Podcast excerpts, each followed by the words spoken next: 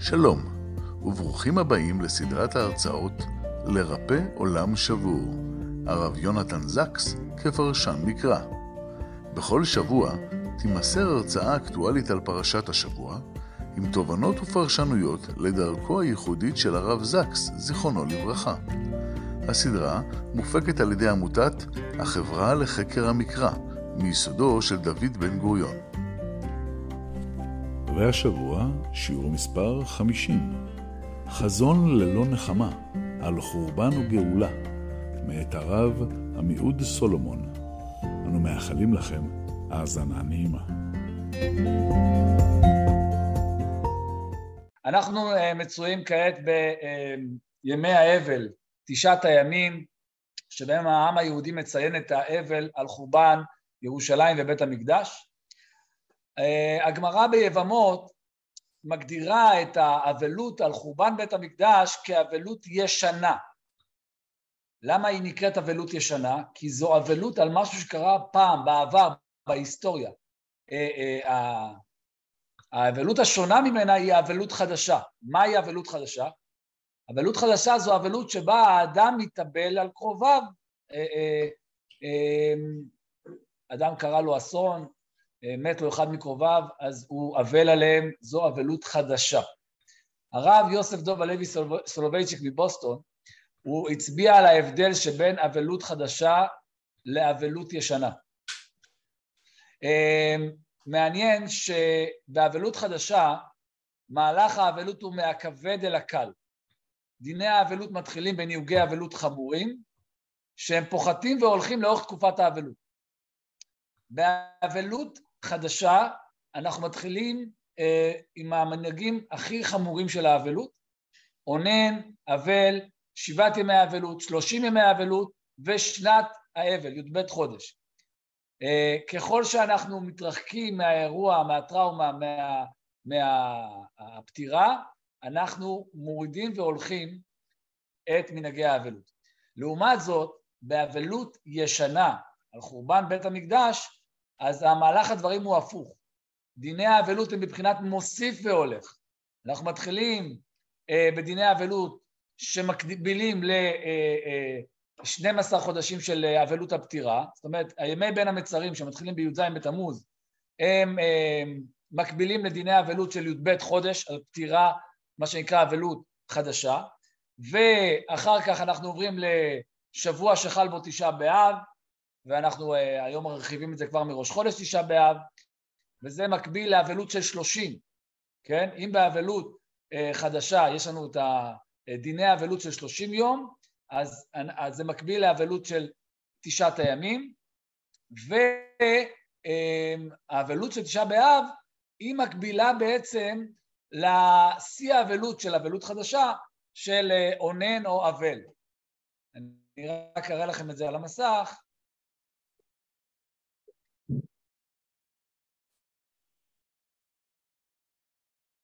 הנה דוגמה לכך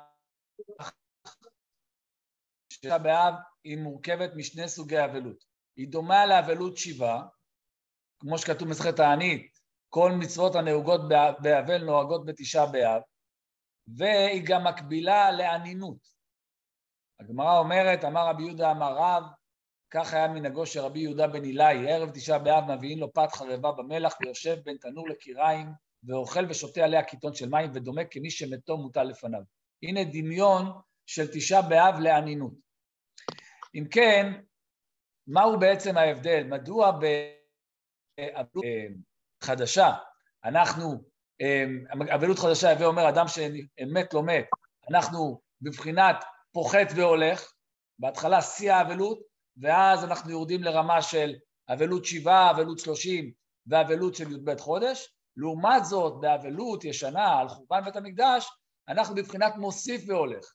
מתחילים אה, אה, מנהגי אבלות קלים יותר של אה, בין המצרים, ואז עוברים לדיני אבלות חמורים יותר של תשעת הימים מראש חודש אב, והשיא הוא בתשעה באב עצמו, שבהם אנחנו נוהגים מנהגי אבלות שדומים לאבל שמתו מותר לפניו, רונן ואבל ביום האבלות עצמו. אז הרב סולובייצ'יק הסביר את התופעה הזאת בפער הרגשי שבין שתי התופעות. הרי אדם שמת לא מת, לא צריך לשכנע אותו להתאבל. הוא כואב את כאבו, הוא זועק את זעקתו מכל עומק ליבו.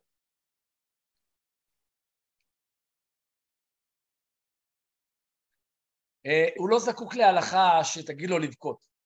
תפקיד ההלכה הוא, הוא הפוך, הוא לעזור לו לבטא את כאבו, להתמודד עמו, וככל שעובר הזמן ההלכה אומרת לו, תפסיק להצטער, תפסיק להתאבל. אה, אה, לאט לאט מורידים לו את המינון של האבל, מאבלות חריפה של בכי והספד ביום הפטירה, והירידה הדרגתית בעוצמת האבלות. לעומת זאת, אדם, אה, לגבי אבלות ישנה על חורבן בית המקדש בירושלים, האדם לא חש עצב או אבלות על אובדן של משהו עתיק שקרה מזמן, עוד לפני שהוא נולד. ופה אנחנו אה, רוצים לייצר אצלו את הצער, לייצר אצלו את האבלות. ולשם כך אנחנו בעצם בבחינת מוסיף והולך. אנחנו מעצימים את תחושת האבל והצער על חורבן המקדש, ולכן פותחים באבלות קלה, והולכים ומגבירים את העוצמה שלה ככל שהולכים ומתקרבים לזמן האבלות. אה, הרב סולובייצ'יק אה, מגדיר זאת כך, הוא אומר בדרך כלל היחס האנושי הטבעי לזמן זה אנחנו נמצאים בזמן האירוע מתרחקים. אה, לעומת זאת, באבלות ישנה על חורבן בית המקדש, אנחנו פועלים הפוך. אנחנו אה, אה, אה, מנסים לחזור אחורה בזמן. לא מתקדמים, לא מתרחקים מהעבר, אלא מנסים לחזור אל העבר. וכדי לחזור אל העבר, יש פה אתגר מאוד גדול, אה, אה, להחזיר אותנו למצב של צער של אבלות על משהו שקרה בעבר.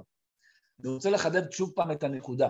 באבלות חדשה, אדם שחלילה מת לא מת, אנחנו מורידים לו את מינון האבלות, מתחילים בשיא האבלות, ולאט לאט מורידים את המינון. לעומת זאת, לעומת זאת, באבלות, אה, אה, באבלות ישנה, על חורבן בית המקדש, אנחנו מגבירים את רמת האבלות. מתחילים לציין את זה מי"ז בתמוז, ימי בית, בין המצרים, וככל שאנחנו מתקדמים בזמן, אנחנו מגבירים את המינון. ההסבר של הרב סולובייצ'יק זה שאבלות חדשה לא צריכים לשכנע אדם להצטער, הוא מצטער באופן טבעי. אנחנו מנסים לנחם אותו, לעודד אותו, להרגיע את רוחו, אנחנו נותנים לו בהתחלה להביע את כאבו במלוא, במלוא העוצמה, וככל שעובר הזמן, אנחנו מורידים לו את רמת הבכי, רמת האבלות, כדי שהוא ימצא נחמה ויחזור לשגרת חייו. לעומת זאת, באבלות ישנה אנחנו צריכים לשכנע את האדם, לשכנע את האדם להצטער על מה שקרה אי שם בעבר, ופה האתגר הוא יותר גדול, וכיוון שכך אנחנו לאט לאט מגבירים את הקצב של האבלות, והשיא זה בתשעה באב. אני רוצה לחדד את הנקודה הזאת. בעצם קשה לשכנע אדם להצטער על אובדן כי הוא לא מרגיש את האובדן. כדי לאבד משהו אתה צריך שיהיה לך אותו. היה לך, איבדת אותו, עכשיו אתה מצטער עליו. אבל חורבן בית המקדש בירושלים, אה, קשה לחוש את האובדן כי זה, לפחות לנו, בדור שלנו, זה לא היה בידיים שלנו. זה לא היה לנו ואיבדנו את זה. אנחנו צריכים להרגיש אובדן על משהו שלא הכרנו. זה אה, בעצם אה, לחזור אחורה בזמן ולהבין מה זה בית מקדש, מה המשמעות של בית מקדש אה, בתפארתו. עכשיו, אחרי שאנחנו מבינים מה זה בית מקדש, עכשיו אומרים לנו, עכשיו הוא נחרב. אז עכשיו תלחץ על כפתור ותהיה עצוב. עכשיו תלחץ על כפתור ותבכה. זה אתגר מאוד גדול. אולי יהודים שחיו אולי בדורות הקודמים, בכל מיני גלויות, אה, היה להם יותר קל לחוש את הצער והאבלות על אה, חורבן ירושלים ובית המקדש. הם סבלו מצרות ורדיפות, כן, אולי, אה, כמובן בתקופת השואה הנוראה, אז היה אולי יותר קל להתחבר לאבלות של הגלות, של חורבן ירושלים, חורבן העם היהודי. דווקא בדור שלנו האתגר הופך להיות יותר קשה, כי עם כל הכבוד לצרות שלנו, אנחנו יחסית, יחסית אנחנו במצב טוב. ועכשיו להגיד כן, אבל אנחנו צריכים להצטער על ירושלים ועל בית המקדש, אז האתגר הופך להיות יותר קשה. ניתן לומר שהעם היהודי הצליח לאורך ההיסטוריה להרגיש את האובדן. אני, כאן אני רוצה לצטט את הרב יונתן זקס. אני אראה לכם את זה על המסך. הרב יונתן זקס כותב על ירושלים. מעולם בהיסטוריה לא היה סיפור אהבה כזה בין עם לעיר. היהודים מעולם לא הפסיקו להתפלל לירושלים, על ירושלים עם הפנים לירושלים. במובן מסוים ירושלים הפכה למקום בו נפגשות כל תפילות היהודים. ושם התפילות עולות לשמיים, כי דבריו של יעקב אין זה כי אם בית אלוקים וזה שער השמיים.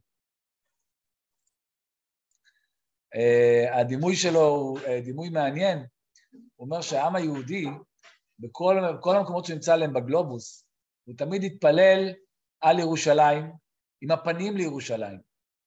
Uh, uh, כביכול, הדימוי שלו שהתפילות נוסעות מכל רחבי הגלובוס, הן נוסעות כביכול בשמיים, מגיעות, התפילות מגיעות לירושלים, ושם יש מהן איזה פתח, ששם התפילות עולות לשמיים.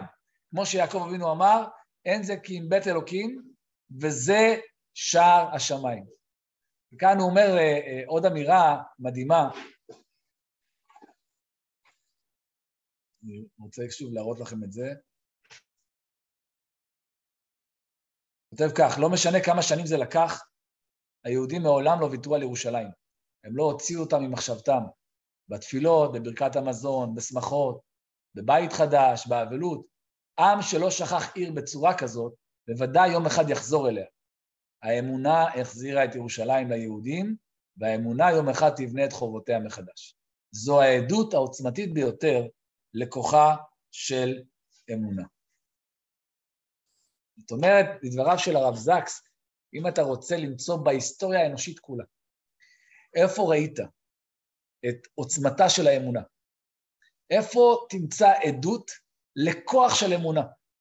אולי העדות העוצמתית ביותר זה האמונה של העם היהודי שיום אחד הוא יחזור לירושלים. כן, אלפיים שנות גולה, היהודים חולמים, אה, אה, שואפים, מתפללים, בוכים, להגיע יום אחד לחזור לירושלים, ובזכות הכמיהה הזאת, השאיפה הזאת, זה שהם מעולם לא, לא, אה, אה, לא שכחו אותה, זה שהסיפור האהבה הכי גדול בהיסטוריה האנושית בין עם לעיר, בין עם לארץ, בין עם לזהות, אז האמונה הזאת, הכמיהה הזאת, היא החזירה אותנו לארץ ישראל ולירושלים. זו העדות הכי עוצמתית בכל ההיסטוריה האנושית, לאמונה, לעוצמתה של האמונה. אמ, אם אנחנו רוצים איזה אה, אה, ביטוי נוסף לקשר המיוחד בין ישראל לירושלים, בין העם היהודי לירושלים, אז הרב זקס הזכיר שאנחנו מזכירים אותה, את ירושלים, בכל מקום. בתפילות, בברכת המזון, אה, גם באבל, גם באבלות, כשאנחנו מנחמים אבלים, אנחנו נוהגים לומר, המקום ינחם אתכם בתור שאר אבלי ציון וירושלים, כן? וזה נכון לא רק היום, אלא מעולם, ככה, ככה נהגו לומר באבלות, אבל הרב זקס מזכיר גם את השמחות. תשימו לב לדבר העוצמתי. החתן היהודי עומד בחופה שלו, וכמעט לא אומר מילות אהבה לאשתו הכלה. הוא אומר לה משהו מאוד טכני, הרי את מקודשת לי בטבעת זו כדת משה וישראל. אבל הוא כן מביע אהבה למישהי אחרת, לירושלים. אם אשכחך ירושלים, תשכח ימיני, תדבק לשוני לחיכי אם לא אזכרכי, אם לא אעלה את ירושלים על ראש שמחתי. זה מדהים לגלות שאת מילות האהבה שלו שומר החתן דווקא לירושלים. אמ, מקובל לומר בשם אנטואן דה סנט-אכזופרי. הוא היה סופר צרפתי, אה, הוא חיבר את הספר המפורסם, הנסיך הקטן, אז אומרים בשמו שאהבה זה לא כששני בני הזוג מסתכלים זה לזו בעיניים. אהבה זה כששני בני הזוג מסתכלים לאותו הכיוון. זאת אומרת, אה, אנשים חושבים שאהבה זה פרפרים וציפורים ותשוקה חזקה, ולפעמים הרגשות האלה של הפרפרים עם השנים נחלשים. ואז הם מגלים שהם התחתנו אולי מתוך תשוקה אדירה, אבל כשנעלמה התשוקה, אז פתאום מגלים שאין התאמה. היהדות מעודדת את הזוג הצעיר להתחתן קודם כל לוודא שיש ביניהם התאמה, שיש ביניהם ערכים משותפים, שהם הולכים, שיש אה, יעד משותף, שהם מסתכלים שניהם לאותו אופק, לאותו הכיוון, וזה מה שהחתן אומר לאשתו מתחת לחופה. אני ואת, שנינו מסתכלים לאותו הכיוון. הכיוון הוא ירושלים. הערך שלנו, הדבק, העוגן של חיי הנישואים שלנו, של הזוגיות שלנו, זה הזהות היהודית שלנו, שמקומה בארץ ישראל וירושלים. אז אולי באמת אה, זה נשמע ככה שהוא מדבר מילות אהבה לירושלים ולא לאשתו, אבל זו, זה המהות של, חי, של הזוגיות שלהם, של הקשר שהם בונים עכשיו, ששניהם נאמנים לאותם ערכים. לזהות היהודית, השאיפות שלהם הן שאיפות דמות, ואז זה, גם אולי כאשר הרגשות לא יהיו בשיאם כל הזמן, הדבק הזה, ההתאמה הזאת, תמשיך לשמור על הזוגיות שלהם חזקה. הגמרא במסכת תענית אומרת, אה, היא מצטטת פסוק. גמרא מאוד מפורסמת, אני אראה לכם על המסך.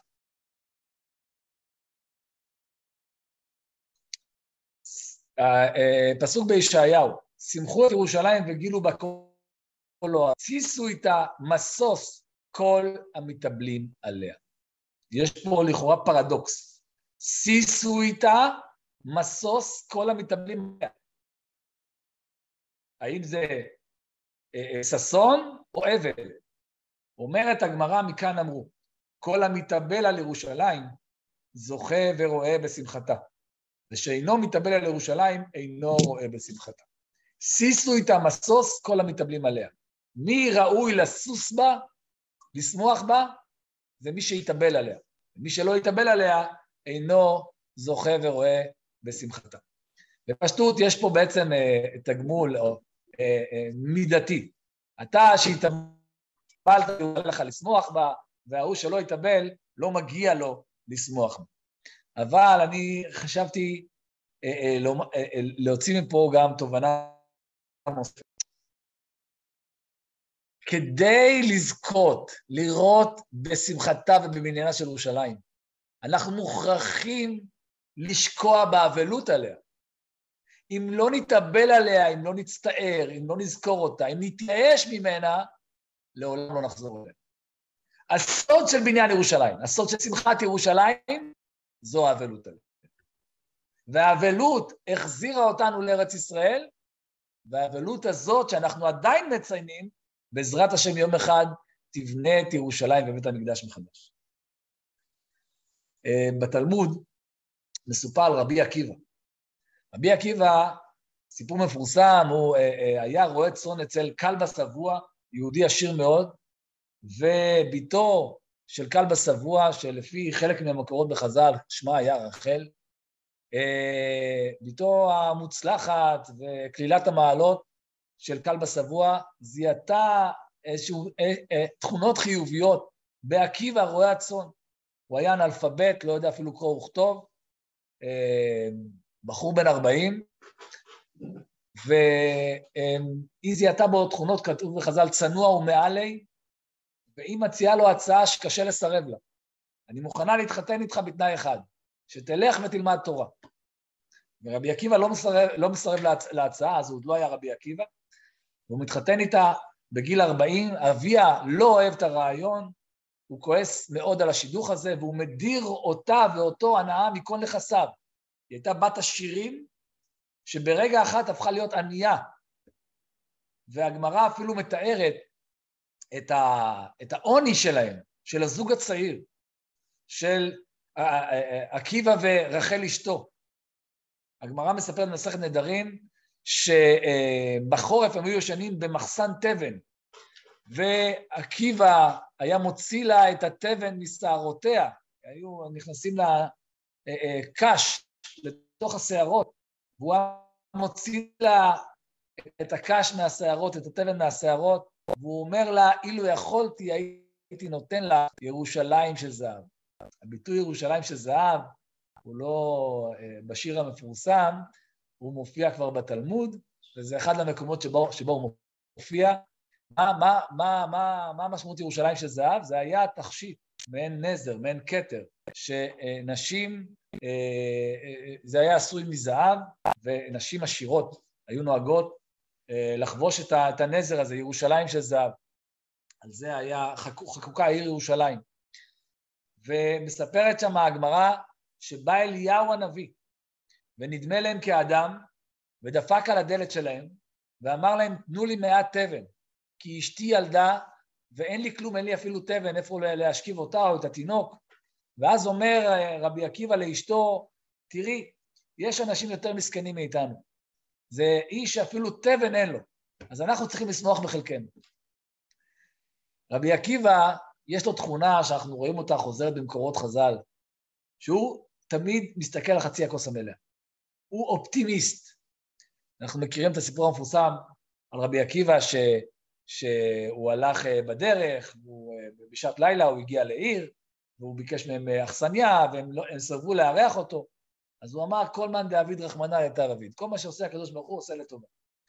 והוא הלך ונשכב בשדות, והיה לו תרנגולת וחמור ונר, ובאה רוח וכיבתה לו את הנר, והוא אמר כל מה דוד רחמנא את דוד, ובא חתול וטרף את התרנגול, והוא אמר כל מה דוד רחמנא לטב אביד, ובא אריה וטרף את החמור, וגם אז הוא אמר כל מה דוד רחמנא לטב אביד, ואז באותו לילה בא גדוד רומאי לעיר, ופשט על העיר, ושבה את בני העיר, ואז אומר רבי עקיבא, עכשיו הבנתי איך כל מה דוד רחמנא לטב אביד. אם הם היו נותנים לי אכסניה, אז הרומאים היו תופסים אותי. אם אה, היה איתי אה, אה, נר, אז הם היו רואים אותי, אם היה תרנגול, הוא היה מקרקר, הם היו שומעים איפה אני נמצא, ואם היה חמור, הוא היה נוער, הם גם היו מזהים את המיקום שלי. אז הוא ראה בעיני רוחו איך באמת התגשם כל מה דוד רחמנא הייתה דוד. אנחנו שוב רואים את האופטימיות שלו, בכל דבר הוא מוצא את נקודות האור. אני רוצה לחזור לסיפור של רבי עקיבא ואשתו העניים. היא אומרת לו, זוכר מה שהבטחת לי? בסדר, התחתנו, אנחנו גרים ביחד, אבל הגיע הזמן לקיים את ההבטחה שלך. אמרה לו, לך ולמד תורה. הלך, נעלם מהבית ל-12 שנים, למד תורה, ובא לביתו, חזר הביתה, הוא כבר היה תמיד חכם ורב חשוב, והוא שמע מאחורי הדלת, אומרת הגמרא, שהוא שומע מאחורי הדלת, הוא בא לבקר את אשתו אחרי 12 שנים, הוא שומע איש רשע אומר לאשתו, יפה עשה אביך, כל הכבוד לאבא שלך, איש חכם, שהוא הדיר אותך מנכסיו. הבעל שלך לא ראוי לך. הנה, הוא הניח אותך כמו אלמנה חיה. הוא הלך, נעלם, השאיר אותך ככה לחיות לבד בעוני. הוא שומע את אשתו אומרת, אם בעלי היה שומע לי, הוא עומד לחזור כל רגע הביתה, אבל אם הוא היה שומע לי, הוא היה לומד עוד 12 שנים. ואז מספרת שרבי עקיבא אפילו לא אה, דפק בדלת, לא אמר שלום, מה נשמע, הוא אה, עשה סיבוב פרסה, חזר לבית המדרש לעוד 12 שנים של לימוד, אחרי 12 שנים נוספים, אחרי 24 שנים של לימוד תורה, הוא חוזר הביתה עם 24 אלף תלמידים, וכל העיר יוצאת לקבל את פניו, ויוצאת גם רחל אשתו, והם היו, אה, התלמידים שלו מיד אה, הדפו אותם, מי זאת שכה נדחקת? ואומר להם רבי עקיבא, המשפט המפורסם, שלי ושלכם של. כל העוצמה הזאת של לימוד התורה שלי, של לימוד התורה שלימדתי אתכם, הכל בזכותה של האישה הענייה הזאת, רחל אשתי. אני עוד אחזור לסיפור הזה ונבין את הקשר לירושלים וחורבן בית המקדש. הגמרא במסכת מכות שוב מספרת סיפור על רבי עקיבא, שתמיד מוצא אור. בסביבה של מסכת מכות מספרת, רבי, מספרת הגמרא, ובואו נראה את זה על המסך אולי.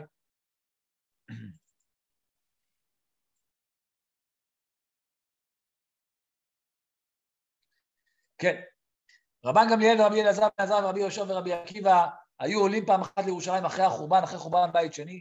כיוון שלהר הצופים קראו בגדיהם, כיוון שהגיעו להר הבית ראו שורה שיצאה מבית קודשי הקודשים, התחילו אין בוכים ורבי עקיבא מצחק. אמרו לו חבריו לרבי עקיבא, איך אתה לא מתבייש, מפני מה אתה מצחק, עכשיו זמן לצחוק.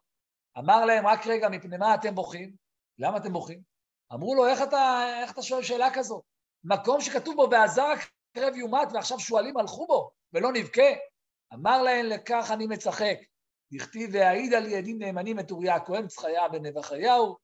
מה עניין אוריה אצל זכריה? אוריה במקדש ראשון, זכריה במקדש שני. אלא תלה כתוב נבואתו של זכריה בנבואתו של אוריה. באוריה כתוב נבואת זעם, לכן בגללכם ציון שדה תחרש. בזכריה כתוב עוד ישבו זקנים וזקנות ברחובות ירושלים.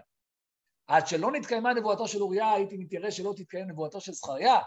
עכשיו שנתקיימה נבואתו של אוריה, בידוע שנבואתו של זכריה מתקיימת, ואז אומרת הגמרא, וזה הסיום של מסכת מכות, בלשון הזה אמרו לו, עקיבא ניחמתנו, עקיבא ניחמתנו.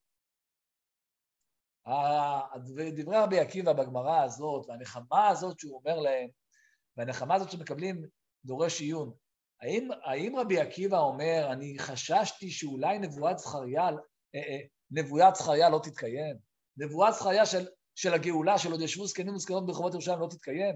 הייתי צריך לראות את נבואת אוריה מתקיימת, ורק עכשיו אני מאמין לנבואת זכריה.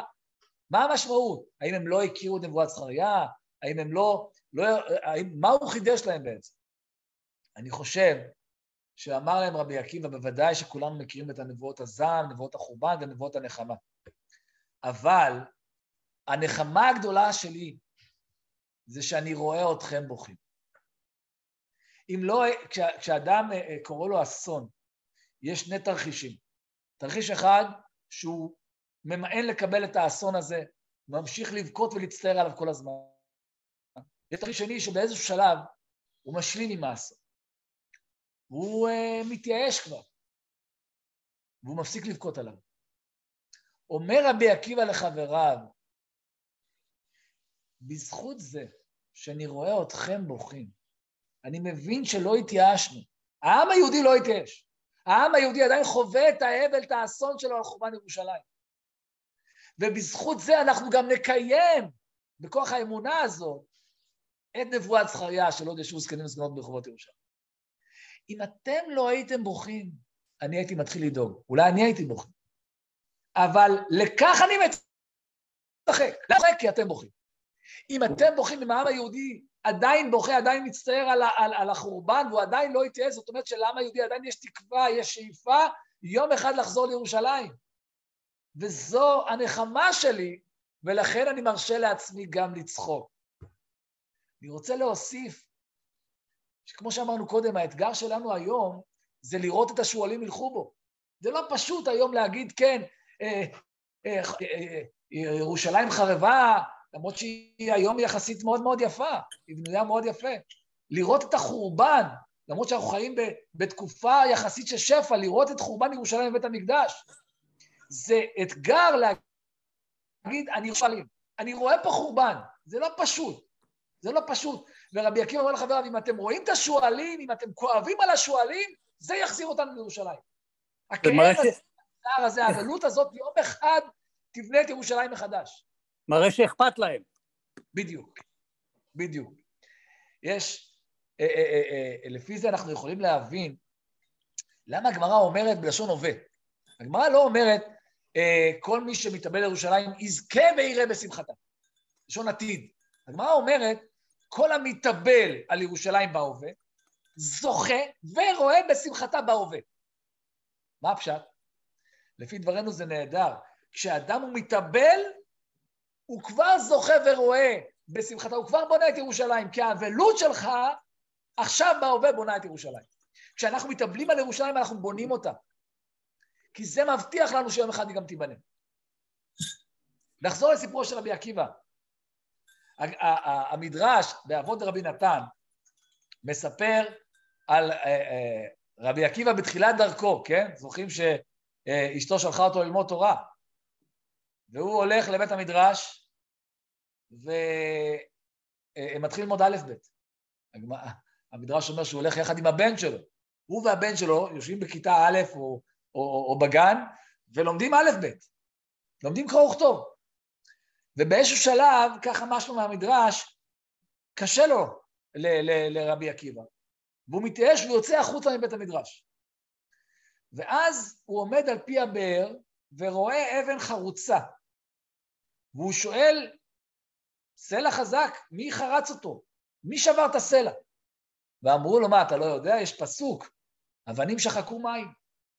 המים שמטפטפים עליה כל הזמן, שנים על גבי שנים, הם חרצו את האבן. ואז רבי עקיבא אומר, אם מים חלשים רכים יכולים לפסול, לחרוץ את האבן הקשה, כן?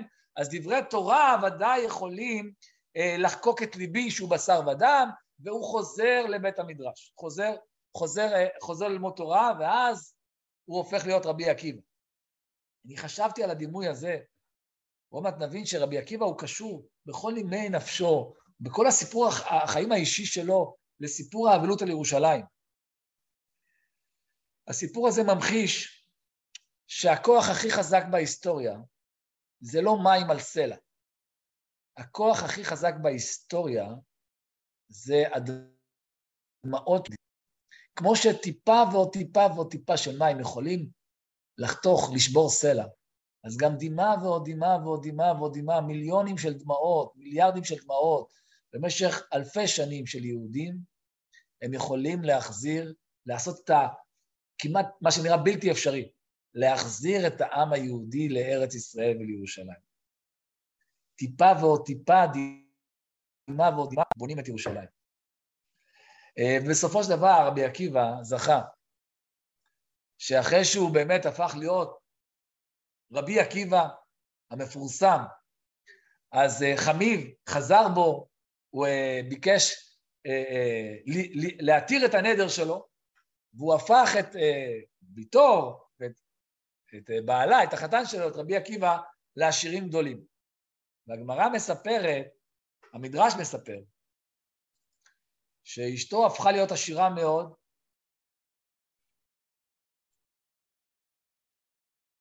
בן 40 שנה הלך ללמוד תורה, סוף 13 שנה לימד תורה ברבים. אמרו, לא נפטר מן העולם עד שהיו לו שולחנות של כסף ושל זהב, ועד שעלה למיטתו בסולמות של זהב. והייתה אשתו יוצאה בקרדוטין ובעיר של זהב, זוכרים שהוא הבטיח לה בימי העוני, שיום אחד הוא יקנה לה ירושלים של זהב? היא זכתה. הוא קנה לה, והיא הלכה עם עיר של זהב, עיר של זהב זה אותו תחת ירושלים של זהב. אמרו לו תלמידיו, רבי ביישתנו ממה שעשית לה. תלמידים שלו אומרים לרבי עקיבא, אתה מבייש אותנו מנשותינו. אנחנו לא חיים ברמת חיים כל כך גבוהה, אנחנו אברכים, תלמידי חכמים. אין לנו את היכולת הכלכלית לתת לנשים שלנו את המתנות היוקרתיות, המופלגות שאתה נותן לאשתך. מה עונה להם רבי עקיבא? הוא לא חזר בו. הוא אמר להם, לאשתי מגיע. אמר להם, הרבה צער נצטערה הרבה צער נצטערה עימי בתורה.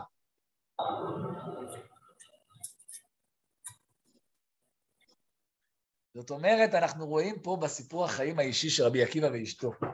כל המתאבל על ירושלים זוכה ורואה בשמחתה. אשתו והוא התאבלו יחד על חיי העוני של לימוד התורה, והם זכו בימי חייהם לראות בשמחתה של לימוד התורה. יש, יש אה, אה, אה, אה, גמרא, יש גמרא שאומרת, סליחה, יש משנה מפורסמת באבות שאומרת, אמר רבי יונתן, כל המקיים תורה מעוני זוכה לקיימה מאושר. רבי עקיבא ואשתו זכו לקיים את התורה מעוני וזכו גם לקיים אותה מאושר, בדיוק כמו הסיפור של העם היהודי וירושלים. תראו גם את הדימוי המעניין. רבי עקיבא בימי, בימי העוני שלו, הוא הוציא את התבן מתוך, מתוך שערות ראשה של אשתו. והוא הבטיח לה שעל אותו ראש, על אותם שערות, יום אחד היא תענוד את התכשיט ירושלים של זהב על אותם שערות שעכשיו יש כאן ביטוי של עוני שהוא מוציא לה את התבן מהשערות, על אותן שערות יום אחד תענוד את הירושלים של זהב, כן? וזה שוב מתחבר לנו לירושלים, שאנחנו אומרים בפסוק, אם לא אעלה את ירושלים על ראש שמחתי. נהגו לשים אפר בראש החתן ביום החתונה שלו, על אותו ראש שבו הוא שם ביטוי של אפר, אפר מקלה, אפר של אבלות, כן? אם, אה, אה, אה, אם לא אעלה את ירושלים על ראש שמחתי. בסוף, בסופו של דבר, בזכות אותה אבלות, הוא ילבש את הכתר של ירושלים.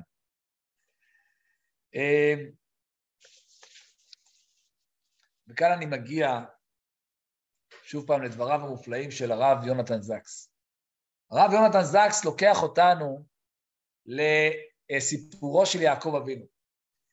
יעקב אבינו שהיה, שאהב מאוד את בנו יוסף, יום אחד שולח אותו לראות בשלום אחיו, והם חוזרים בלי הילד, והם אה, שולחים לו כתונת פסים טבולה בדם, ואומרים לו, עקר נא כתונת בנך היא אם לא.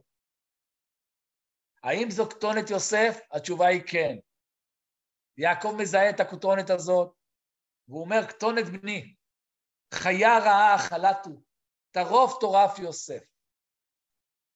אם טרוף טורף יוסף, אם הילד מת, אז מה יעקב עושה? הוא נוהג מנהגי אבלות.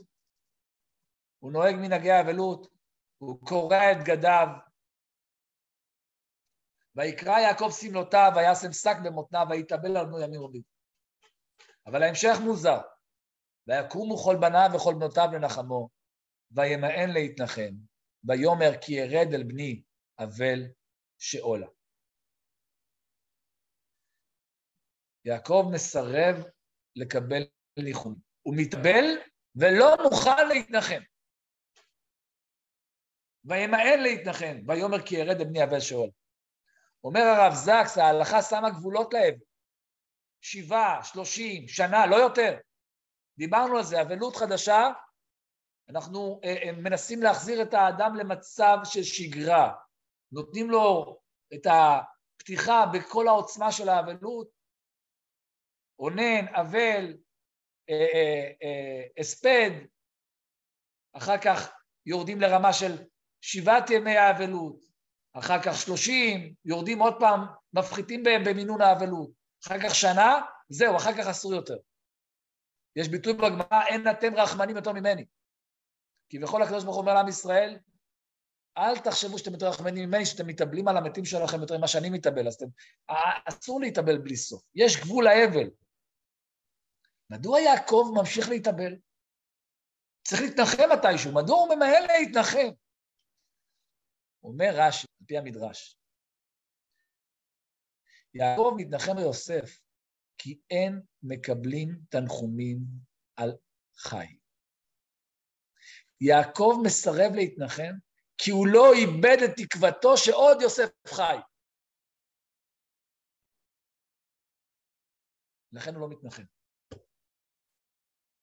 זאת אומרת, יעקב אומר, אם אני מקבל נחמה, זה כאילו התייאשתי.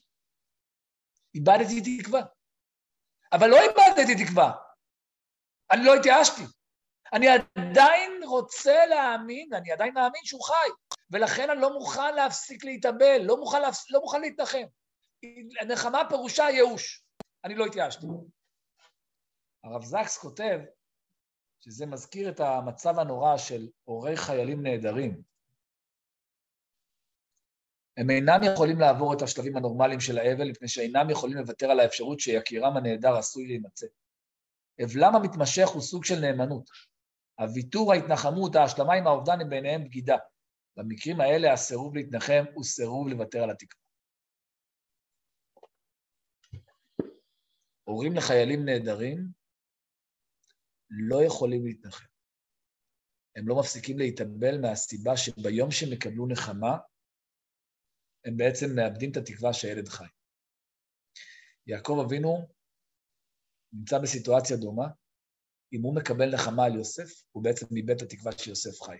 והוא לא מוכן לאבד את התקווה הזאת. יעקב לא האמין לבניו, הוא פתר אותה, אולי הוא פתר אותה מאשמה אה, אה, פורמלית, אבל התקווה שלו שעוד יוסף חי עתידה הייתה כידוע להת, להתעמת, להתעמת באלף. אנחנו מכירים את העוד דמות בתנ"ך, שסירבה להתנחם. מי הייתה הדמות הנוספת שסירבה לקבל ניחומים? אשתו של יעקב, רחל אימנו, אמא של יוסף. זה לא מופיע בספר בראשית, זה כן מופיע בירמיהו. פסוקים המפורסמים כה אמר השם, קול ברמה נשמע, נהי בכי תמרורים, רחל מבכה על בניה. מענה להנחם על בניה כי אינם. זוכרים את יעקב שממאן להתנחם על יוסף? גם אשתו, רחל, מענה להתנחם על בניה כי אינם.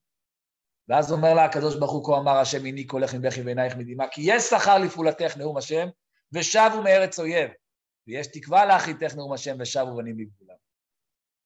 שואל הרב זקס, מאין ידע ירמיהו שהבנים ישובו לגבולם? מאיפה הוא יכול להבטיח לרחל אמנו שהבנים ישובו לגבולם? התשובה היא משום שרחל ובניה ועם ישראל כולו מיענו להנחם. הם סירבו לוותר על התקווה. התשובה בגוף השאלה. הסוד של רחל היה שהיא לא הסכימה להתנחם. אם היא הייתה חלילה מסכימה להתנחם, אז מי יודע מה היה קורה לבניה. כשאדם מתנחם הוא מתייאש. היא ממשיכה להתאבל על בניה. ובזכות זה אומר לה הנביא, מצוין, ככה אני יכול להבטיח לך שיום אחד ישובו בנים לגבולם, כי את ממאנת להתנחם. אני רוצה להוסיף על הרעיון הזה של הרב זקס. יש עוד דמות בתורה שממאנת. יוסף, הבן של יעקב ורחל, גם הוא ממאן בסיטואציה מסוימת. הוא ממאן לאשת אדוניו. גם יוסף ממאן. הביטוי ממאן מופיע גם עליו.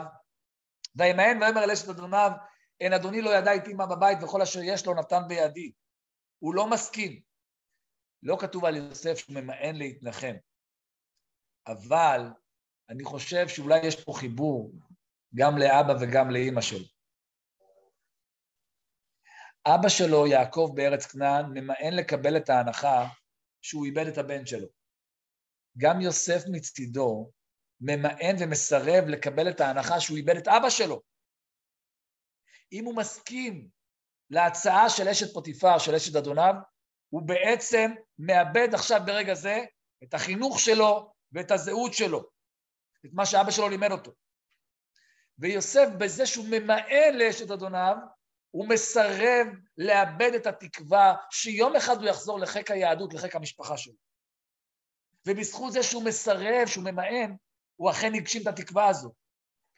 יכול להיות שאם באותו רגע יוסף היה נכשל ועומד, ואומר רק שהמשפחה שלי זרקה אותי, הם לא רוצים אותי, אני לא שייך להם, אה, אולי אפילו אבא שלי לא רוצה, והנה הוא לא מחפש אותי עד היום, ואז הוא היה מסכים להצעה של אשת אדוניו, יכול להיות חלילה שהוא היה מאבד את הקשר שלו למשפחתו, הוא, לא יכול, הוא כבר לא יכול היה לחזור לחיק המשפחה והיהדות.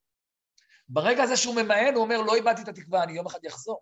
אני יום אחד אחזור למשפחה שלי, ליהדות, לזהות האמיתית שלי. וכמו שאבי ואימו ממאנים להתנחם, ממאנים לאבד את התקווה, גם יוסף ממאן לאבד את התקווה.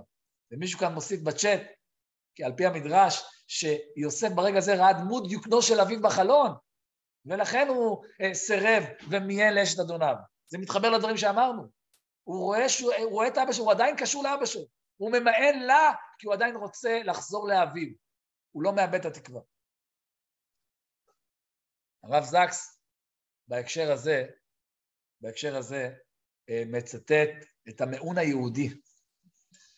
הוא אומר, אה, הוא מצטט את, ה, את הפרק תהילים קל"ז, שהפרק הזה מוקדש לנאמנות היהודית לירושלים. בואו נראה את זה אה, על המסך. על נערות בבל שם ישבנו גם, בכינו בזוכנו את איך נשיר את שיר השם על אדמת נכר? היהודים בגלות, בגלות ראשונה, בגלות בבל, הם לא מוכנים, לא יכולים לשיר את שיר השם על אדמת נכר. הם ממאנים לקבל נרמים. והם אומרים, אם אשכחך ירושלים תשכח ימיני, תדבק לשוני לחיכי, אם לא אזכרכי. אם לא אעלה את ירושלים, על לא שמחתי, הם מסירים בהקשר הזה, בהקשר הזה אפשר לספר את הסיפור המפורסם על אה, נפוליאון, ש... אה, באחד הלילות, כשהוא נסוג מרוסיה, בשנת 1812, הוא נתקל בבית שמתוכו אה, אה, הוא מזהה עיבוב של אור נרות, מתקרב אל החלון, והוא רואה מחזה מוזר, קבוצה של אנשים ישובים על הרצפה, מחזיקים ספרים בידיים שלהם, הם קוראים בהם באיזה נעימה, נוגה ועצובה, והם בוכים. ונפוליאון הסקרן מצווה להוציא אליו את מנהיג הקבוצה, יוצא אליו אה, המנהיג, הוא מזדהה כרבה של הקהילה היהודית שם, והוא שואל אותו למה אתם בוכים, הוא אומר אנחנו בוכים, היום תשעה באב אנחנו בוכים ומתאבלים על חורבנו של בית המקדש. שואל אותו נפוליאון, מתי חרב בית המקדש הזה? אומר לו הרב, לפני 1,800 שנה. אומר נפוליאון, על בית שחרב לפני כאלפיים שנה אתם מתאבלים כל שנה?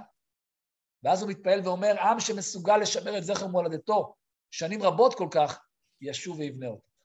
עם שזוכר את עברו, עתידו מובטח. זה סיפור, אגדה שמספרת, מכניסה את זה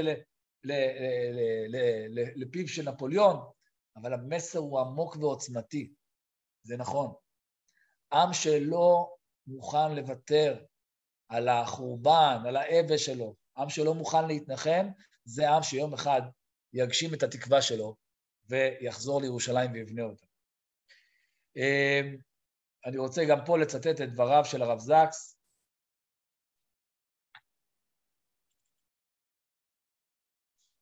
היהודים הם העם שסירב להתנחם כי לא נטש את התקווה. יעקב זכה לשוב לראות את יוסף. בניה של רחל שבו לגבולם. עם ישראל שב לציון, כל הסימנים הראו אחרת, הכותונת המגואלת, הגלות המתארכת, שלמותיה של הארץ, גזר דינה של ההיסטוריה נראה בלתי הפיך. עם ישראל לא השלים עם הנתונים ולא קיבל את הראיות, כי לעומתם, כי לעומתם היו לו אמונה, ביטחון ותקוות ברזל, שהתגלתה כחזקה מן הכורח ההיסטורי. זאת אומרת שעם ישראל ידע לקום מתוך המוות. בסיפור המפורסם של תום סויר, כן, שחיבר הסופר אה, מרק טוויין, הסופר האמריקאי מרק טוויין, אז אותו אה, ילד, תום סויר, זוכה לחוויה שלא הרבה זכו לה, הוא זוכה להשתתף בלוויה של עצמו.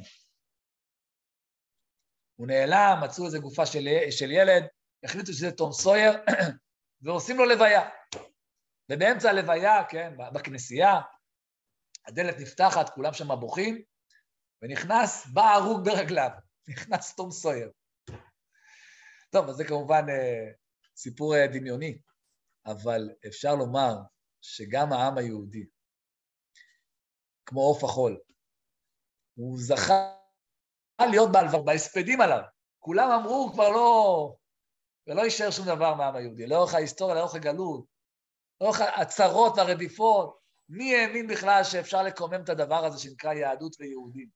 היהודים השתתפו בהלוויה של עצמם, אבל הם לא איבדו את התקווה להמשיך לחיות. בזכות זה, העם היהודי זכה לחזור לכאן, לארץ ישראל. אומר, אה, אומר הרב זקס, לא נגזים אם נאמר שהעם היהודי שרד באמצעות התקווה.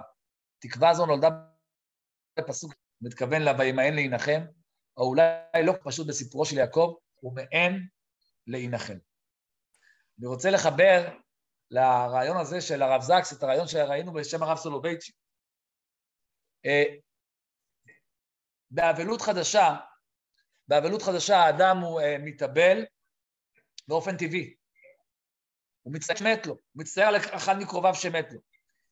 אה, באבלות הישנה, על חורבן בית המקדש, האתגר הוא כפול. הוא גם להגיד לאדם המודרני, תתחיל לבכות, תלחץ על כפתור ותבכה, תבכה על אובדן ירושלים ובית המקדש, וגם אל תפסיק לבכות. בשונה מאבלות אה, אה, חדשה, שבו הוא בוכה באופן טבעי וגם, וגם דורשים ממנו מתישהו להפסיק לבכות. באבלות על ירושלים דורשים מאיתנו לחזור אחורה בזמן, לחוש את האובדן וגם להגיד לנו, תמשיכו. לא רק שעכשיו תבכו, אלא תמשיכו לבכות, אל תוותרו על התקווה. אל תקבלו נחמה. ודיברנו על רבי עקיבא, תראו איך הסיפור האישי שלו הוא סיפורו של העם היהודי. הוא סיפורו של העם היהודי שלא מאבד את התקווה. דיברנו על הקשר שלו לירושלים, עם ההבטחה שלו לאשתו, ירושלים של זהב, שהוא גם הגשים לה אותה. דיברנו על הטיפות המים והדמעות של העם היהודי. דיברנו על אשתו שזכתה וראתה בשמחתה. בהתחלה חיי צער, חיי עוני, לימוד תורה מתוך צער, ואז לימוד תורה מתוך עושר. דיברנו על רבי עקיבא שאומר, לכך אני מצחק אם אתם ממשיכים לבכות, אז זה סיבה, סליחה, אם אתם בוכים, אז זה סיבה לשמוח, זה סיבה לבכות. סיבה, סימן שלא איבדתם את התקווה. תראו איזה דבר מעניין, דיברנו על יעקב ורחל, אבותינו, אבינו ואימנו, שהם לא איבדו את התקווה על הבן שלהם, על הבנים שלהם, וימנו להתנחם. תראו את ההקבלה, עקיב, יעקב ורחל, עקיבא ורחל. גם לאשתו של רבי עקיבא קוראים רחל, וגם עקיבא זה מלשון יעקב. כן, יש כאלה שאפילו אומרים, חכמי המקובלים מצאו רמזים על החיבור בין רבי עקיבא ליעקב. למשל, עקיבא זה כמו האותיות של יעקב א', כמו יעקב אבינו, כך כותב החידה. ויש יש, יש חכם מקובל שכתב שבתורה כתוב אביר יעקב. אביר יעקב זה אותם אותיות של רבי עקיבא. יש חיבור בין יעקב ועקיבא. עכשיו ראינו את החיבור על יעקב ורחל שממאנים להתנחם, על עקיבא ואשתו רחל שגם הם ממאנים להתנחם על חורבן ירושלים. אמ, בעצם, אני, אני אחדד את הרעיון, נחמה זה ביטוי של ייאוש. אנחנו לא מתנחמים, אנחנו לא מתייאשים. הנחמה בעצם לא מנחמת. הנחמה שלנו שאנחנו לא מוכנים לקבל נחמה. הבכי שלנו מעיד על תקווה, הבכי מעיד על חוסר ייאוש. הבכי הוא ההפך של האדישות, ההפך של הקבלה וההשלמה. אומר רבי עקיבא לחבריו, ביום שאתם תפסיקו לבכות, אני אתחיל לבכות, אני אתחיל לחשוש. אבל כיוון שאתם בוכים, לכך אני עוד יכול לצחק. אני שמח כי אני רואה בעיני רוחי, אני רואה שבזכות הבכי שלכם, יום אחד אנחנו נגשים את הכניעה, את השאיפה הזאת. אם אנחנו לא נתאבל, אנחנו נתנוון. אנחנו, זה ביטוי של ניוון, של, של, של אדישות, של חוסר אכפתיות. תראו איך זה בעצם, הרעיון הזה רמוז גם בהמנון של המדינת ישראל, כן? התקווה. הרי על מה מבוסס המילים של השיר התקווה? כל עוד בלבב פנימה, נפש יהודי הומיה, ולפאתי מזרח קדימה עין לציון צופיה, עוד לא אבדה תקוותנו. מה התקווה? התקווה בת שנות אלפיים להיות עם חופשי בארצנו, ארץ ציון וירושלים. מה הכוח שלנו? איך אנחנו יודעים שלא עבדה התקווה? כל עוד בלבב יהודי הומייה ובוכה, ואנחנו עושים את זה במיוחד בימים האלה, בוכים על חורבן ירושלים ובית המקדש, וכל עוד בלבב פנים הנפש יהודי הומייה, אז אנחנו יכולים להיות בטוחים שעוד לא עבדה תקוותנו. התקווה לבנות את ארץ ציון וירושלים. זה, זה בעצם הרעיון. הגמרא אומרת שאחד השאלות, אחת השאלות ששואלים אדם אחרי 120 שנה בבית דין של מעלה, ציפית לישוע. עד כדי כך זה חשוב? מכל השאלות? כן. חלק מהותי ביהדות שלנו זה ציפית לישוע. זה הכוח שלנו. מישהו כותב כאן בצ'אט שזה הכוח של חשיבה חיובית, כן? זה העם היהודי יכול ללמד את העולם כולו. איך תקווה, אמונה, חשיבה חיובית, מגשימה את עצמה. אתם יודעים, יש שיר, לא נפסיק לשיר. אני חושב שהעם היהודי אומר בדיוק הפוך. לא נפסיק לבכות. העם היהודי אומר, כמו שראינו בפסוק בתהילים, איך נשיר את שיר השם על אדמת נכר? לא יכול לשיר. לא נפסיק לבכות. בזכות זה שאנחנו בוכים ומתאבלים, אז אפשר גם לצחוק. אז אפשר כבר לראות את, ה, את ההבטחה לגאולה. אמ, אני רוצה לסיים, אני רוצה לסיים בסיפור. ראש ישיבת מיר, הגאון רבי חיים שמואלביץ, זכר צדיק לברכה. הוא היה נוסע מדי פעם להתפלל על קברה של רחל אימנו. והאגדה מספרת שבכל פעם שהוא היה נוסע להתפלל קברה של רחל אימנו, הוא היה אומר לה את המילים הבאות.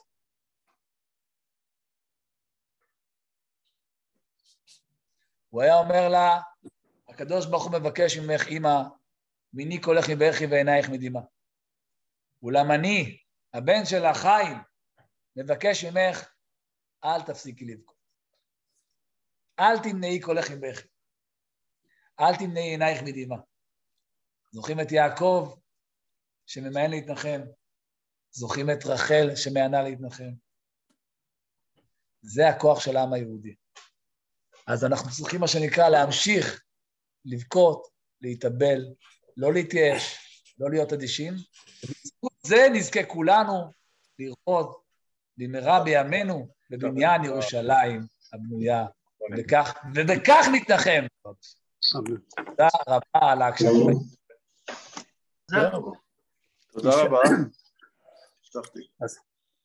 ישעיהו נותן לנו נחמו נחמו אה, בשבוע הבא. כולם פתוחים. אוקיי. והרב נתן לנו בשבוע הזה? באמת בגאולה השלמה בעזרת השם. באמצע?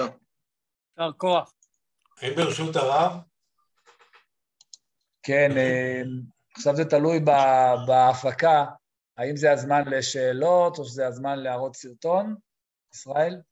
לא, אנחנו לא נראה סרטון, אנחנו ניתן זמן לשאלות, להוסיף, לסיכומים, לכל מי שיוצא לדבר. דרך אגב, אני רוצה להזכיר שכל מי שפותח ביום שישי את המיילים שאנחנו שולחים עם דברי תורה, בראש המיילים יש הקלטה של דקה וחצי עם מסר על הפרשה, ואת זה נותן הרב המיעוט שיושב פה לפניכם ודיבר בשעה האחרונה. כדאי להקשיב למסרים האלה של הדקה וחצי, יש בזה הרבה חוכמת חיים. ועכשיו בואו נשמע את האנשים, כל מי שרוצה לדבר, שירים יד. רגע, איך אנחנו פותחים את כולם על המסך? רגע, שנייה. אוקיי, בבקשה. כן. ברשות המרצה? כן, משה. ברשות הרב המרצה, אה, אצלי הוא לא הרב המיעוט, אצלי הוא הרב סלומון. אה, אני חושב שמגיעה תודה מיוחדת על עוד הרצאה שלו בגובה הכתפיים, בגובה העיניים. כולם מבינים לדעתי טוב יותר מה זה נחמה, מה זה ירושלים, מתוך אה, אמרות ומתוך סיפורים כל כך נרמדים שהוא העלה לפנינו. עוד יותר תודה לישראל, כן, לך, שהצלחת לשים לנו טעם טוב בפה לתקופת החופשה שאנחנו כנראה נצא אליה, ואם ירצה השם נחזור אליה בריאים ושלמים. תודה רבה, ישראל. בבקשה, בשמחה. גברת לזרוביץ', בבקשה. תודה רבה, משה, על המילים החמות, תודה. כן, גברת לזרוביץ', תפתחי את המיקרופון.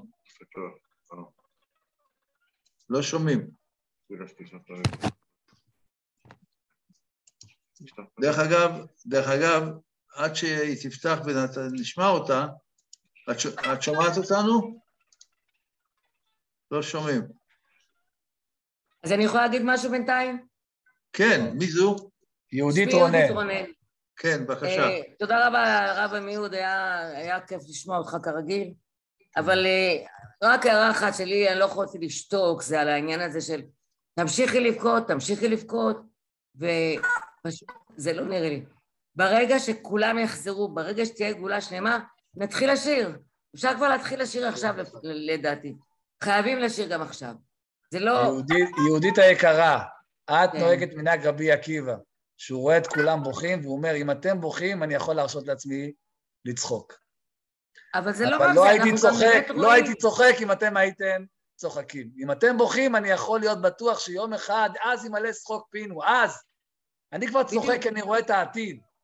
אבל היום. בהווה צריך להצטער. כי הצער של ההווה מבטיח... אנחנו כבר בהתחלת האז הזה. אנחנו בהתחלת האז לדעתי. בהתחלת האז כבר אפשר להתחיל לשיר. לא לשיר הכל, אפשר, צריך גם להתאבל. צריך גם לבכות. אבל לא להגיד להמשיך לבכות ולא לשיר. לדעתי, סליחה. זהו. תודה רבה, יהודית, תודה רבה.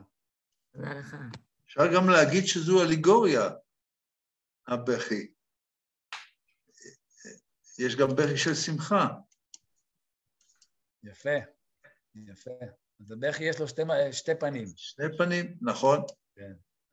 דרך אגב, אני לא רואה פה את אה, עזריאל אונרייך. אם הוא נמצא, אז אני רוצה להגיד לו שהתמונה שהוא קיבל מאחותי... רגע, שומעים אותי עכשיו? או, עכשיו שומעים אותך. או, עוד רגע, עוד שנייה. התמונה שהוא קיבל מאחותי זה אני בבר מצווה. הוא כל הזמן שאל מי זה. אוקיי, אנחנו חוזרים בחזרה לנושא. כן, גברת לזרוביץ', בבקשה. כן, נועה, קוראים לי נועה. קודם כל אני נועה, סליחה. אלמון על, על ההרצאה המרוממת, אה, ואני בכיתי מרוב התרגשות. הדברים. וואו. נוסף, אני רוצה לומר לך, ישראל, אתה בזכות התוכנית הזאת הענקת לי שנה של משמעות. זה התחיל בקורונה, ממקום שהייתי כל כך בודדה וחרדה, והשיעורים של כל המרצים, כל שבוע ושבוע נתנו לי, רוממו את רוחי, נתנו לי ביטחון. ואני מאוד מקווה להמשך, ואני באמת מודה לכל, לכל המרצים, לכל מי שהגיעו לכאן, במיוחד על המפעל העצום שעשית. תודה רבה. גם בשמי, תודה ישראל, תודה. אני באמת מתרגש, אבל חבר'ה, ברצינות, בלי הספדים. אנחנו כן. עשינו, אנחנו לא, עושים, לא הספד. ואנחנו נעשה גם הלאה. בעזרת השם, אנחנו מכינים תוכניות, אנחנו בונים. עם ישראל חי ועם ישראל ממשיך, ואנחנו בעזרת השם, אני קיבלתי ירושה ליד שאדון, שראש הממשלה בן גוריון העביר לי, לא הוא ישיר, אבל בזכותו אנחנו פה, ובעזרת השם אנחנו נמשיך הלאה. אנחנו לא סיימנו, אנחנו צעירים. כן, ישראל, ישראל, הרב ברשותך. אני רוצה עכשיו אולי לשתף, אני רואה שיש עוד הרבה משתתפים, אני רוצה לשתף במסך, יש סרטון קצר, אה, לחדד את הדברים שאמרתי, אני מנסה רגע לשתף אתכם, תגידו לי אם זה מצליח. תעלה לנו גם את הסרטון שלך. פגשתי אותו במתקן את שלנו? שיחה מאוד רצינית. ניסיתי לדבר על ה... האם בכלל יש סיכוי להידברות פרודוקטיבית בין ישראל לבין החמאס. הוא אמר לי משהו כמו, יש כמה דברים שאנחנו צריכים ללמוד מכם. הוא אמר לי, תשמע, כשאני הייתי צעיר, אמרו לי שיש דבר כזה שנקרא חייט אל-מפקה, כותל הדמעות, כותל המערבי. הופתעתי מאוד מזה שאנשים שנולדים בכל מיני מדינות, שלא היו אף פעם במדינת ישראל, באים לכותל ובוכים. הוא אומר, איך אתה יכול להעביר אלפיים שנה רגש מאב לבן, מסב לאב לבן, על קיר של אבנים? ואז הוא אומר, את הדבר הזה אני רוצה ללמד את האנשים שלנו. אתם רוצים שאנחנו נשכח את צפת, ואת יפו, ואת חיפה. אין סיבה שאנחנו נשכח את המורשת שלנו, ואני צריך להנחיל בדיוק מה שאתם עושים, דורי דורות, להיסטוריה שלכם ומה שאתם מאמינים, לאדמה ולאמונות שלנו. ולכן אני לא חושב שנוכל להיפגש בפשרה. אין פשרה, כי זה משחק סכום אפס. זה או אתם לא פה ואנחנו פה, או אתם פה ואנחנו לא פה. כמה שזה אמיתי, כמה שזה אמיתי. הלוואי והמנהיגים שלנו היו שומעים את זה כל בוקר כשהם מתעוררים ויבינו את האמת הזו. כן, אוקיי. אה, אה. אתה יכול לתת, אתה יכול לתת אה, את אחד מהקטעים שלך, לעלות על המסך לרגע, מהשיעורים האחרונים, ברגע זה ממש, כן? אם אנשים עוד יחכו עוד שנייה אחת, אז אני אצליח. זה רק מראה עם מי יש לנו עסק. נכון. אה, הציטוטים של הרב זקס מאילו ספרים ציטטת? אה, ציטטתי את זה, אה, כמדומני משיג ושיח בפרשת ויח- פרשת וישב. זה כל הציטוטים משם? אני חושב שלא כולם, אבל הרוב. הרוב. רק רגע, אני אראה לכם עוד אולי סרטון קצר, ממש קצר, ברוח הימים האלה. שנייה אחת, אני מנסה לעשות את זה. תגידו לי אם הצלחתי. רגע. אני באותה הזדמנות רוצה להגיד תודה רבה לזלמי, שהיה איתנו במשך 49, 49 אה, הרצאות. הערב הוא לא יכול היה להצטרף, אז אני מוסר בשמכם, אני מוסר לו את תודתנו על הניהול של הרב מסר במשך שנה שלמה. זלמי, תודה. אה, אני מנסה עכשיו לשתף, רק רגע. שנייה אחת, אני... עוד משהו קצר, ברוח הימים האלה. כן. בבקשה. עיצמו לרגע את העיניים ודמיינו עיר גדולה, תחת מצור. רוב תושביה של העיר רוצים לחיות בכבוד, לפרנס את המשפחה שלהם, להרגיש בטוחים. אבל קומץ של לאומנים קיצוניים שולטים בעיר, מלבים את השנאה ומכריזים מלחמה נגד מדינה שכנה שהיא חזקה מהעיר הזו. הם כופים על התושבים את המאבק והמחסור הכלכלי וההומניטרי, ובעצם, במו ידיהם, הם גוזרים חורבן על העם והעיר שלהם. נשמע מוכר? פיקחו את העיניים. זה בדיוק מה שקרה בירושלים שלפני חורבן בית המקדש השני. חז"ל מתארים שמי שהביא את המצור על ירושלים היו יהודים מלשנים, שהעלילו בפני הקיסר הרומאי שהיהודים רוצים למרוד בו.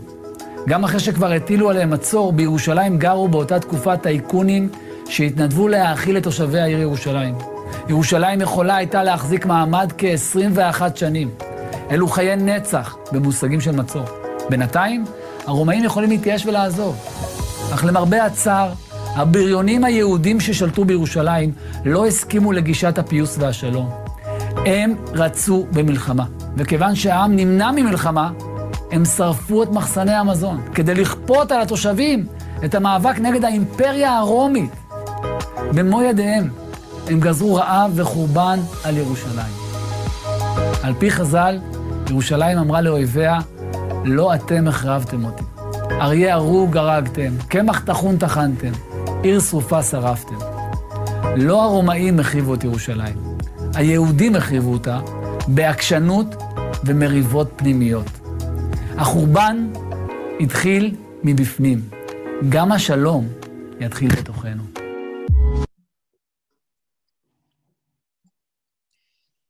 הרסייך ומחריבייך ממך יצא. הפירוש הפשוט לפסוק, שזה דווקא שהם יצאו כן. ממך, הכוונה היא כן. שילכו ממך. כן, אבל אבל... אנשים משתמשים בזה גם ב- כן, במובן ההפוך. גם בשימוש הזה, כן. יישר כוחכם, תודה רבה על ההשתתפות ולהקשבה, תודה רבה על הבמה המכובדת, ויהי רצון שנזכה כולנו לגאולה השלמה, ושניפגש בעוד שיעורים מחכימים כאלה. תודה רבה לחברה, אה, לחברה לחקר המקרא ולעומד בראשה ידידי ישראל קריסטל, ערב טוב, בשורות טובות, ישועות ונחמות. אולי נעשה איזשהו ש... סדרת הרצאות איתך לבד. אנשים ישמחו מאוד. קח את זה לתשומת לבך. תודה רבה על ההצעה. יום שלישי בבוקר בשעה עשר. נכון. יש, ישנה בעיה. ישנה, בעיה, אני, אני מגלה פה סוד. הרב עמיהוד, בדרך כלל בערבים, בתקופות רגילות, מחתן זוגות צעירים. אני מקודם אמרתי את זה, איך אומרים, בהבלעה, אבל זה נכון. הזמן היחידי שהוא הסכים להקדיש למיזם שלנו, זה פשוט בגלל שהשבוע אין חתונות. אבל אם ננסה להזמין אותו בשבוע הבא, זה לא יעבוד. נחפש נחפש שנכון. אחרים. מה שנכון לצערי, אה, לצערי ולשמחתי, כן, בכל זאת מדובר בשמחות.